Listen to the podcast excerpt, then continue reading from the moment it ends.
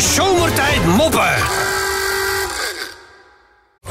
Goed, eh lief allemaal. Eh, daar zijn we dan met de moeder de middelshows donderdag. Eh, ik beloof je nu alvast op voorhand eh, dat wij er een even zo vrolijke uitzending van zullen maken als dat jullie van ons gewend zijn. Eh, maar dit is voor ons een dag met, ja, zoals je het netjes omschrijft, een eh, hele zwarte rand. En ik eh, zal straks rond vijf uur. eh, als ik de limericks ga doen, zal ik uitleggen waarom dat voor ons het geval is. Eh, maar wij zijn vanmorgen allemaal wakker geworden. Een Facebook-bericht lezend. eh, waar ik in ieder geval minutenlang alleen maar naar heb zitten staren... omdat ik het bijna niet kon geloven. Het is een van de trouwste zomertijdfans eh, die ons eh, ontvallen is. Eh, daar zullen we straks na vijf op gepaste wijze bij stilstaan. Want dat is een van de mensen die altijd meedeed... bijvoorbeeld met de Social Song. En zolang ik me kan herinneren... al limericks naar ons stuurt. En het was ook de persoon die eh, op 3 november jongsleden mij hier in de studio nog wist te verblijden met een prachtig cadeau ter gelegenheid van mijn verjaardag. Ja. En eh, eh, hij is niet meer. Ik zal, ik zal er straks in, in detail meer over vertellen. Eh, natuurlijk is dit zomertijd en er zitten nu mensen te luisteren aan de andere kant van de radio die eh, onder omstandigheden eh, misschien het hoofd boven water moeten houden waarbij wij geen voorstelling hebben. En die mensen rekenen er gewoon op dat wij een even zo vrolijke zomertijd maken als dat we normaal ook doen. Dus dat gaan we ook doen. En dan heb je natuurlijk ook altijd wel een beetje steun aan dat oorlijke gezicht van onze...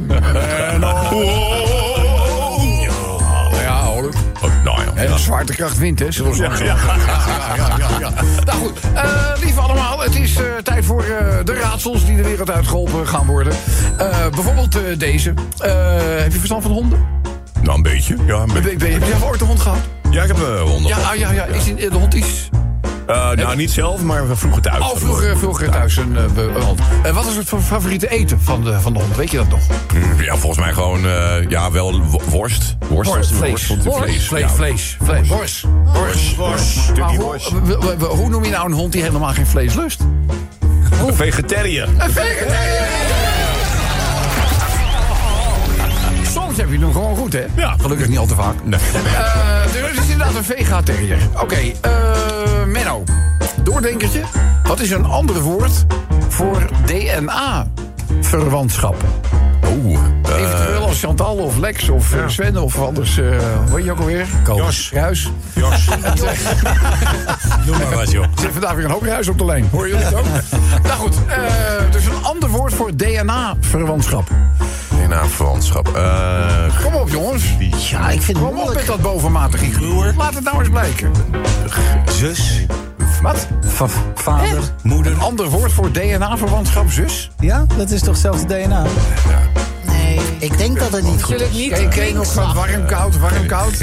Steenkoud. Ja. Steenkoud. Beetje zoals Een ander woord voor DNA-verwantschap is... jouw familie? Nee, ik weet het niet. Bloedlink. Oh, ah! dat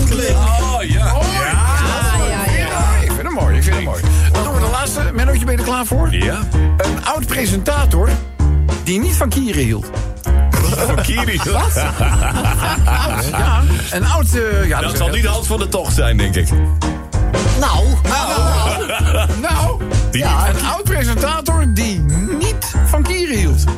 Ja. Eh, Nou? anders, anders niet van de tocht. Nee, hand van het krocht. Ja! Het belletje Menno. Hey, binnengingen. Ja, ja, ik moet zeggen, eh, petje af. Dankjewel. Heel erg eh, goed. Eindel. Trots. Pakketbezorger eh, aan de deur. En ik heb zo'n elektronisch belsysteem. Dus die gaat. Dus ik zie op mijn schermpje zie ik een pakketbezorger staan. Ik denk leuk. Een pakketje. Dus ik open de intercom. En zeg: Goedemiddag, wat kan ik voor u doen? En hij zegt: Hallo, ik ben van de pakketdienst. En ik heb een pakketje voor de buren. Ik zeg: Prima, die wonen hiernaast. Einde bericht. Oh, me zo lekker om een keer te zeggen. Dat gebeurt steeds vaker, hè? Het gebeurt steeds vaker dat je pakketje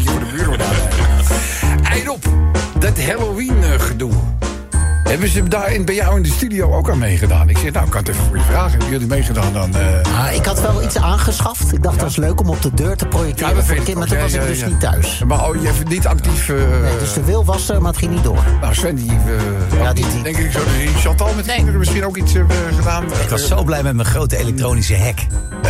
Nicolaas, ook niet jij. eh, Nee, nee. Nee, Rob, ik vraag dat qua Halloween. Omdat ik net een pompoen zag rennen voor zijn leven. Oh. Maar inmiddels is hij uitgehold.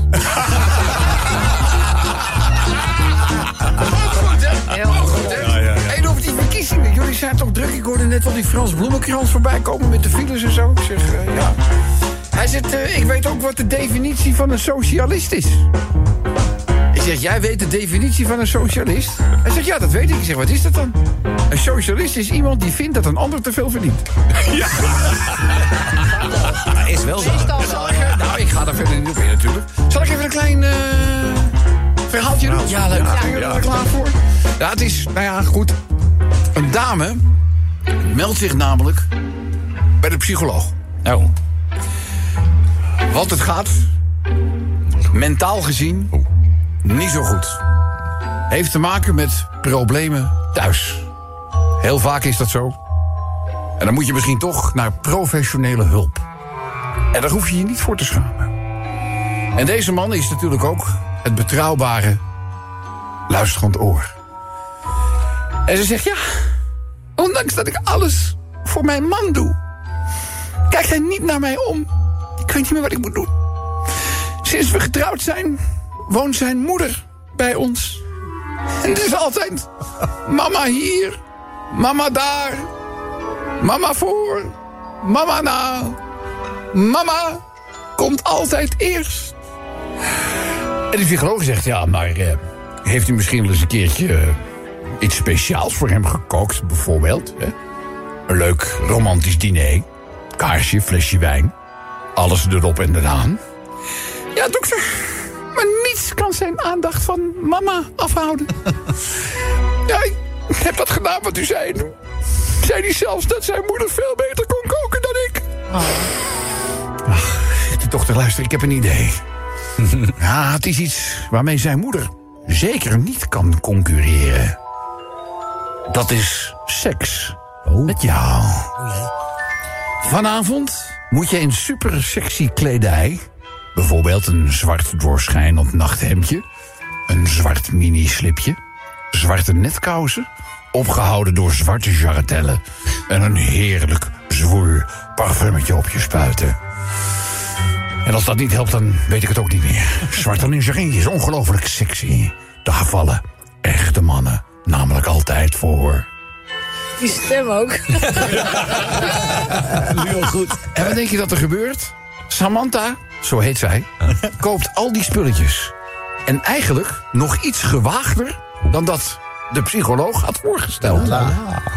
Feitelijk had zij zichzelf, bekijkend in de spiegel, nog nooit zo sexy gezien.